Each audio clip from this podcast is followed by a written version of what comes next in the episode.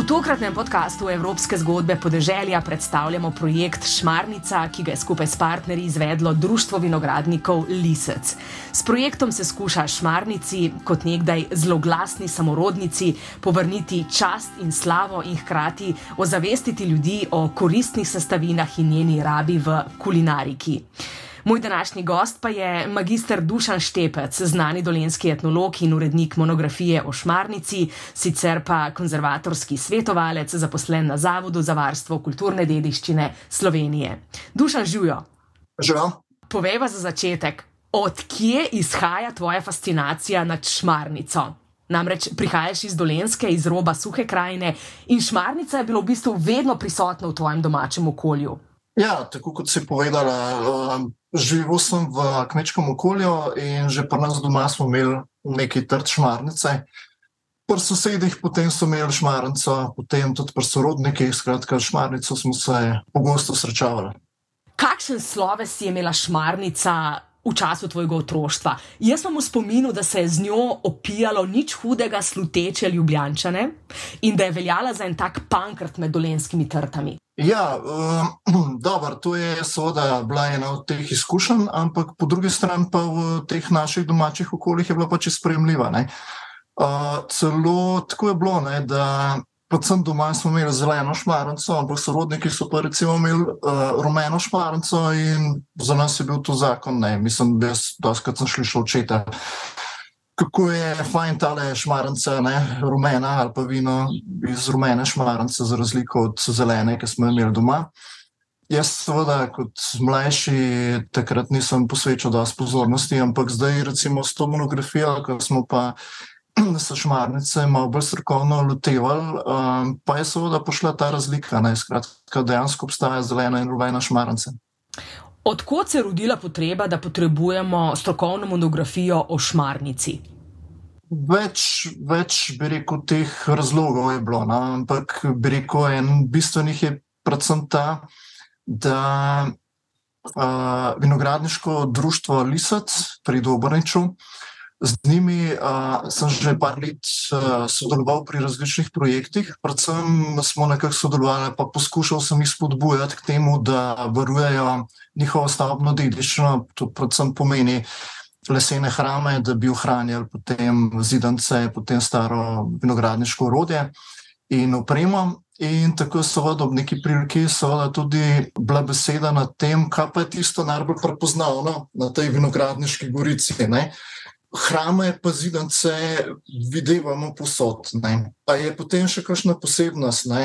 In slejko prej smo prišli do tega, da pač na listu, ki je ena taka, bi rekel, precej uh, prepoznavna vinska gorica, tudi v prostoru, ne, v bistvu je kot nek hrbet sredi, bi rekel, do stravnega ali pa rahlo vodovidega območja. Tukaj se je pokazalo, da je precej vinogradniških parcel še uh, posajenih z šmarnico. -huh. In uh, jaz sem recimo, prepoznal en tak potencial tukaj, da če že delamo neko prepoznavno podobo, pa mogoče bi pa voljalo to nekako osvetliti z vidika tega, kaj je za šmarnico. In smo potem prišli do tega sklepa, da dajmo ugrizniti v to in videti, kaj bo ratalo. Namreč šmarnica je v zadnjih desetletjih počasi izginjala iz vinogradov sekali so jo, imela je negativen uh, sloves, tako zelo glasna slava se je držala. Ne? Siguren. Zdaj, to, kar si omenila, ne, da, da je prišlo do izsekavanja šmarnice, pa nadomeščanja potem z cepljeno trto. To je bil zelo intenziven proces, zlasti nekje od 70-ih, 80-ih let naprej, ko so se recimo na Donetskem ustanavljala prva vinogradniška društva. -huh. Mhm. In seveda so sodelovali z strokovnjaki, z kmetijskimi svetovalci, uh, ki so seveda usmerjali um, te vinogradnike, predvsem v to, da naj nadaljujejo vinogradništvo, predvsem z. Z zasajanjem cepljenih trtne. In v tem smislu, seveda, šmarnica ni imela več prostora v teh vinogradih, in je bil to kar precej intenziven proces. Treba je povedati, da je Šmarenca v bistvu um, začela resno ogrožati produkcijo in prodajo kakovostnih vin ne, in da se je v bistvu prava gonja proti njej začela že po letu 1923, ne, ko so oblasti uh, z različnimi uredbami omejevale gojenje samorodnic in pridelavo vino izmed njih. Ne. Vse pod pretvezo, čež da je šmarnica zaradi visoke vsebnosti metanola zdravju izjemno škodljiva, pa da povzroča uh, slepoto in ne vem kaj še vse. Ne. Uh, ja, na vsak način. Zdaj, prva kritika šmarnice je šla predvsem v to, da je kakovost vina slabša. Namreč okus, evropski okus, je bil nekako naravnan na, na našo evropsko trto. In uh, seveda, šmarnica ali pa vino iz samorodnic ima pa malo drugačen okus. Uh mhm. -huh. In pa vun, in seveda je prepoznaven na daleč. To je bil eden od momentov, na katerega so upozarjali vinogradniški strokovnjaki to se pravi že za časa Avstralske monarhije, pa potem seveda tudi po prvi svetovni vojni so to še ustrajali. Skratka, najprej je bila kritika um, kvalitete šmarničnega vina, potem seveda v 20 letih se pa začne gonja v tem smislu, da pitje šmarničnega vina v bistvu poneumlja človeka. nič bolj, nič manj kot pitje ostale, ostalih vin. Ne? Točno tako je. Ta stereotip je seveda bil zgrajen v tem času, to se pravi v 20 letih um, 20. stoletja. Zdaj v tej monografiji smo prišli do nekih ugotovitev, uh, ki sicer niso nove, ampak to so že določeni avtori že prej ugotavljali.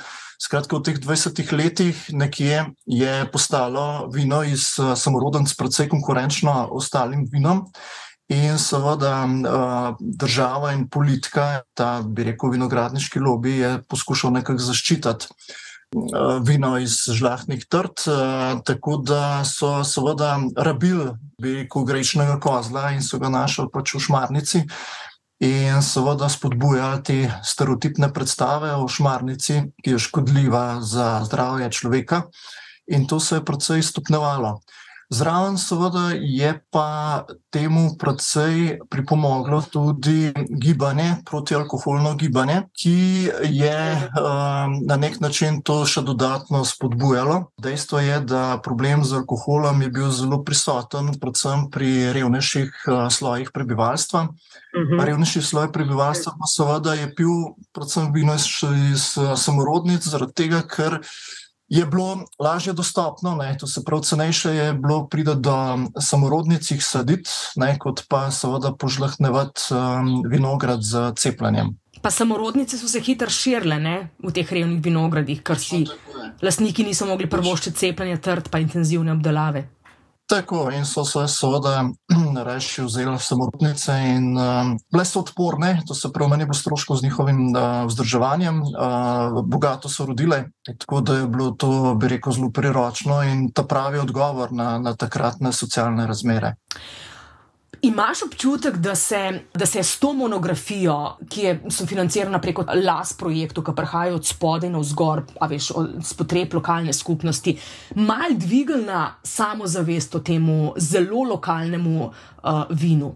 Mislim, da ja. Zdaj, uh, nekako malo sklepam iz tega, ker dobim kar precej uh, komentarjev ali pa, bi rekel, pohval, da smo si upali uh, s to monografijo pridati na plan. Očitno je stereotip o škodljivosti šmarnice še vedno zelo močan. Tisto, kar se mi zdelo fascinantno, predvsem v družbenih krogih, to se pravi v vinogradniških družbenih krogih, kjer na eni strani so zelo poštevali uh, vsa uh, navodila, usmeritve, seveda, vinogradniških strokovnjakov.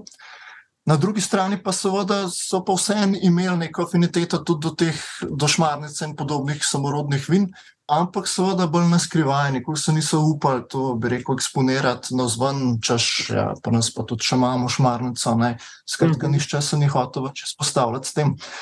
Zdaj pa imam občutek, no, da s to monografijo pa vendarle so lahko malo bolj, bi rekel, samozavestni v tem smislu, da uh, so dobili zdaj konkretne informacije. Ne. Skratka, šmarnica ni nič bolj škodljiva kot so ostala vina. Ne. Skratka, ni toliko problem metanol, metilni alkohol v šmarnici in ostalih vinih, kot je problem količina zaužitega alkohola. Če pretiravaš s pitjem, seveda to pusti posledice.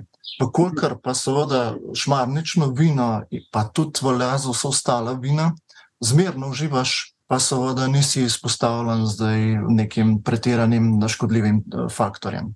Pozitivna stran te monografije in ob strani tudi vseh ostalih lasovih projektov se mi zdi, na, da na pozitiven način dvigujejo ponos, pa samo zavest. V tem primeru, da šmarnica ni več simbol nečesa revnega, nečesa, kar se je treba sramovati, ne? ampak da je to en pomemben element kulturne dediščine. In um, hecno je, da je ta hip šmarnica v bistvu ena najbolj ekoloških pijač, ne? ker v nasprotju z drugimi trtami jo ni treba škropiti po vsakem dežju, pa zaradi uh, velike odpornosti sploh ne potrebuje potrebuje neke posebne zaščite. Ne. Eh, zanimivo se mi zdi, ne, kako se spremenja zgodovinski spomin skozi desetletja.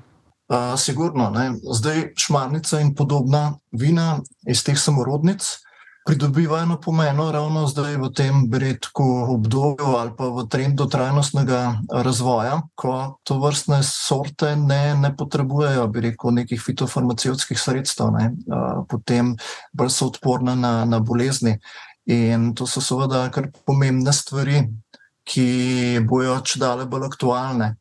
Zdaj, jaz si tle ne predstavljam, da bomo zdaj, ne vem, da se bo ta vinogradniški del kar sprobrnil, pa se preusmeril v samorodnice, to nikakor ne, ne. Ampak predvsem z vidika varstva kulturne dediščine se mi zdi pomembno to, da mogoče družba omogoči pogoje, da vsaj nekaj vinogradov za šmarnico, pa vendarle ohranjeno na legalen način, da imamo neke zakonske podlage, da se lahko hranja ta trta naprej in pa da se tudi lahko proizvajajo proizvodi potem iz tega šma, iz šmarnice.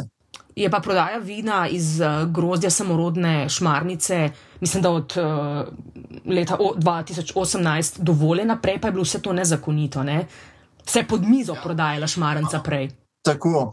Uh, zdaj, seveda, od 2018 je zakonodaja tako naravnana, da lahko proizvajamo fermentirano alkoholno pijačo, ne sme se pa imenovati vino, ne, ker po evropski deklaraciji oziroma klasifikaciji vin iz samorodnic ne obstaja. Tako da je lahko seveda zaenkrat uh, ta pijača imenovana zgolj kot pijača. Hvala Bogu, vsaj ta možnost obstaja. Ampak tudi za cviček so dolgo govorili, da ni, da ni vino, ne? pa smo vse nekako prepričali Evropsko uh, komisijo. Točno tako je. Ne? Pravila zmeraj uh, narekujejo zmagovalci oziroma tisti, ki so najmočnejši. Uhudler je prav tako vino, je pijača, recimo ne, iz um, samorodne trte.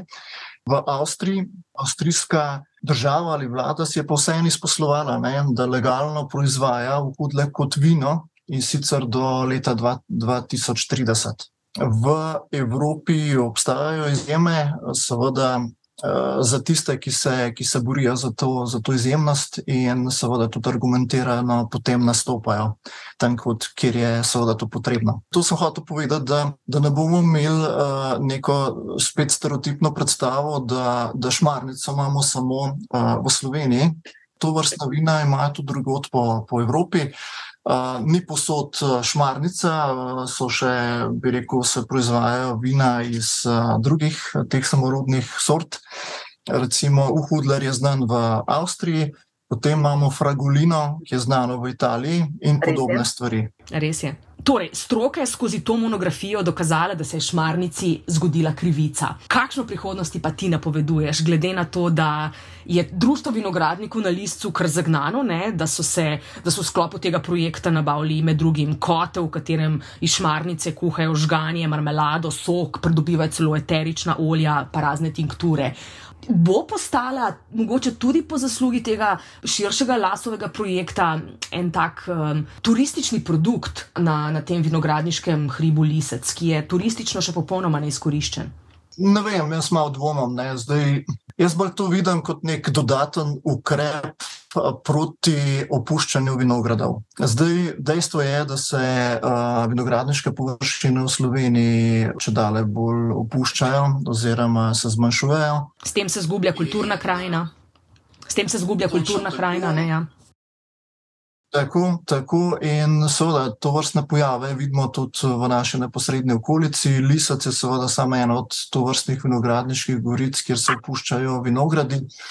In, uh, tako da je zbolj viden tukaj kot en nagovor, pa spodbuda tistim, ki imajo um, še to vrstne vinograde, da, da pač ustrajajo, da se jim nakaže neke možnosti, smeri, zakaj lahko uporabljajo šmarnico recimo tole, kar, kar uspeva na listu. Um, to se pravi, predelava v marmelado, to se mi zdi super uh, rešitev. Ja, ja. Potem so kavi, opet zelo dobra rešitev. Uh, in na vse zadnje, če pa nastane tudi iz tega nekaj te fermentirane pijače, pa tudi hvala Bogu. Uh, recimo, jaz sem moj izkušnja v prekmurju, sem bil v gostilni Aleksandr, to je že precej blizu avstrijske meje, ampak tam so, v, so imeli na, na, na ceniku uh mhm. -huh. tudi uh, Jurko. Jurko so prodajali, fermentirano pijačo, to se pravi, ti si lahko naročil za kajedi. Ali si cviček naročil, ali si neko štajersko vino naročil, ali si pa Jurko naročil. Uh mhm. -huh. Skratka, zelo enako enako vreden segment v njihovi ponudbi. Je to. to je stvar nacionalnega ponosa. Ja. To je stvar tudi nas... nacionalnega ponosa, ne? Ki ga pri nas pogosto premankuje, še posebej na podeželju, zaradi eh, tega teptanja podeželja vse od druge svetovne vojne naprej, ne? ko se je bolj intenzivna industrializacija začela. Absolutno. Za nas, recimo, za me je bila to malo eksotika, tam ne, ker pač na dolenskem tega nisi vajen, ne. za njih je pa to bila normalna stvar. Ne. In uh, to vrstnih stvari bi si želel zdaj tudi tle, to se pravi, da ne bi bilo nobene uh, zavore več v tem, da bi kakšen gostinc ponudil v, svojem, uh, v svoji ponudbi tudi fermentirano pijačo iz samorodnice. Zakaj ne? Recimo Ljubljančan, ko pride na dolensko, ima prvo vprašanje, ki je vezano na tiček, drugo vprašanje pa že vezano na šparnca. Res je. In sploh v trendu ekoloških vil zdaj. Ja, zakaj, Jaz ne vidim razloga, tako, zakaj, zakaj se ne bi to ponujali, tam, kjer je to treba. Absolutno. In to v gostilnah renomeja, gomijo ali pa mišljenove zvezdice. Zakaj pa ne? Se jih lokalno zakaj, že ne gre. Ne? Tako. Točno tako. Vse je bila ista, ista zavora pred cvičko, tudi cviček, ali res sodi v te prominentne gostilne ali ne. Ampak danes so že razni tili vrhunski someljeji, ki že nagovarjajo tem, v tem smislu, ne, da cviček se tudi poda ob določenih jedeh v vrhunski kuhinji. Ti bom odgovorila z cvičkovo himno. Če tudi ni za maše, zmeraj paše, ker je naše. So pa itak. Dušan, da mi za konec povej, kje vidiš um, dobro stran izvajanja lasovih projektov na terenu, um, ker pride pobuda za neko spremembo v domačem okolju strani lokalne skupnosti. Kje vidiš dobre strani, da se lokalna populacija s svojimi predlogi, s svojo energijo povezuje v takšne projekte? Uh, kaj pa svem, predvsem v tem, da, da nekako v svojem okolju uh, poiščejo neke možnosti. Nadaljnega razvoja. Ne. To se pravi, ti las projekti jim nekako omogočajo to, da pogledajo okrog sebe, levo in desno, in začnejo uh, iskati neke potencijale v svojem prostoru. In uh, to očitno funkcionira, to se pravi, kar neke stvari se pojavljajo, um, bi rekel. Uh, teme, ki, ki drugače mogoče ne bi bile odkrite in se ne bi oblikovale kot nek, nek produkt. Recimo, ne. Ali pa izginjale iz nekega spomina. Tako ali to. Um, zdaj. Mi je pa gospa Štrateža rekla, da je pa zanimiv fenomen opazila, kar se tiče čateških skrebelnov, ne, tega suhega sadja. Ja. Da so njim pa lasovi projekti omogočali druženje, povezovanje, da je to nek, nek sodoben način, kako oni zopet znova postajajo lastniki um, ne agrarnih skupnosti, ampak enega skupnega zgodovinskega spomina. Um, Lastniki svojega prostora, ja, v bolnem spominu. Ne? Ja, to stroki, to vrstne um, uh, inicijative uh, imenujemo kar dediščinske skupnosti. Uh, to so pač te neformalne skupnosti, ki se, ki se družijo in delujejo uh, z enim samim pogonom, ne, to se pravi, ohranjati nek zgodovinski spomin. Uh -huh. In uh, seveda um, ta, ta cilj uh, združuje um, zelo različne generacije, to se pravi od mladih, sta, starih, od bolj izobraženih, manj izobraženih. Uh, in recimo to, kar se je zgodilo na Čatežu s tem festivalom Škrebelni, um, to je en tak, bi rekel, zelo rep, tak pozitiven primer uh, tega premika. Prvič zaradi tega, da smo uspeli prepoznati neko lokalno uh, specifiko, ne, uh -huh. se mhm. pravi to sušen, sušenje sadja, uh mhm. -huh. povezano so z, z, neko, z nekim objektom uh, dediščine, ki bi sicer pač propadel. Točno tako, sicer bi propadel, potem zraven je seveda zanimiva ta tehnologija, kako se, suši, kako se suši sadje. In seveda ta produkt, ne, proizvod, je pa zopet zanimiv in zelo uporaben. Poleg tega je pa potem še ta festival, ki prinaša ne samo druženje, ampak tudi pretok informacij, ne, v bistvu neko samo promocijo na vzven. Uh, to se pravi, ne samo v svojem okolju, oskem, ampak na nek način potem privablja zopet neke druge ljudi, v ta prostor, ki uh, bodi si uh, sam neke stvari poskušajo, spoznavajo, ali pa celo prenašajo potem te vzorce naprej v svoje okolje. Te projekti imajo močno noto socialnega kapitala, hkrati pa odpirajo dobre podjetniške priložnosti in v bistvu ljudi podeželja učijo tudi uh, um, projektnega razmišljanja. Kak, zdi se mi fino ta stik, uh, kolaboracija z evropskimi sredstvi. Se mi zdi, da dejansko na nekem mikronivoju premikajo, če so ljudje za stvarno. Um, absolutno. Sam imam pa nekako občutek, no, da, da verjetno bomo rabili še nekaj časa, predvsem dolenci. Ne. Zdaj, štajerci so bolj podjetni, primorci so podjetni. Vsi so podjetni, dolenci pa nekako ne znamo. Mi začnemo projekt, ga celo oblikujemo, uh, nastavimo stvari, da bi začele teči, potem se pa kar naenkrat pa malo ustavi. Ne. Se pravi, mogoče smo malo premalo ustrajni, uh, preveč se bojimo. Uh, to je ena taka generalna To so moje generalno opažanja, ne, ki jih eh, vidim posod na terenu, sploh Dolenska, pa Bela krajina. Ne. Se mi zdi, da če bi taki projekti bili na Gorenskem, kaj bi oni vse naredili z tega? Ne. Deformirani smo z okoljem, ali ne s tem zgodovinskim DNK-jem na nek način mogoče. No? Siguren. Siguren. Ja. Kar, ampak si ne znam razlagati, kje je nam to, ne, da, da, da to nismo malo bolj, bi rekel prožni ne, ali pa malo bolj ambiciozni. Bolj optimistična. No? Um, velike stvari se začnejo z malimi koraki, in um, človek je velik toliko, kolikor ceni lokalno. Ne?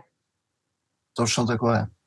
Dušan Štepec, hvala za, uh, za tale pogovor in uspešnost v tvojem delu naprej. Si zelo dejaven v lokalnem okolju, si en tak, uh, se mi zdi, da močan gradnik in temelj te lokalne identitete, in tudi um, v ljudeh budiš ponos na kulturno dediščino, na vse, kar imajo okoli. Tako da nadaljuj v tem ritmu. No. Ja, najlepša hvala. Uh, hvala za povabilo in tudi tebi in vsem tvojim sodelavcem, če jih imaš, ki uh, želim še naprej dobro delo. V tokratnem podkastu smo gostili magistra Dušana Štepca, znanega dolenskega etnologa, ki je skupaj s partnerji oblikoval monografijo o šmarnici. Vabljeni k deljenju epizode ali pa k predlogu za prihodnji pogovor. Podcast Evropske zgodbe podeželja je nastal v okviru projekta Doživite suho krajino, temenico in krko malo drugače in je sofinanciran sredstvi Evropskega sklada za regionalni razvoj.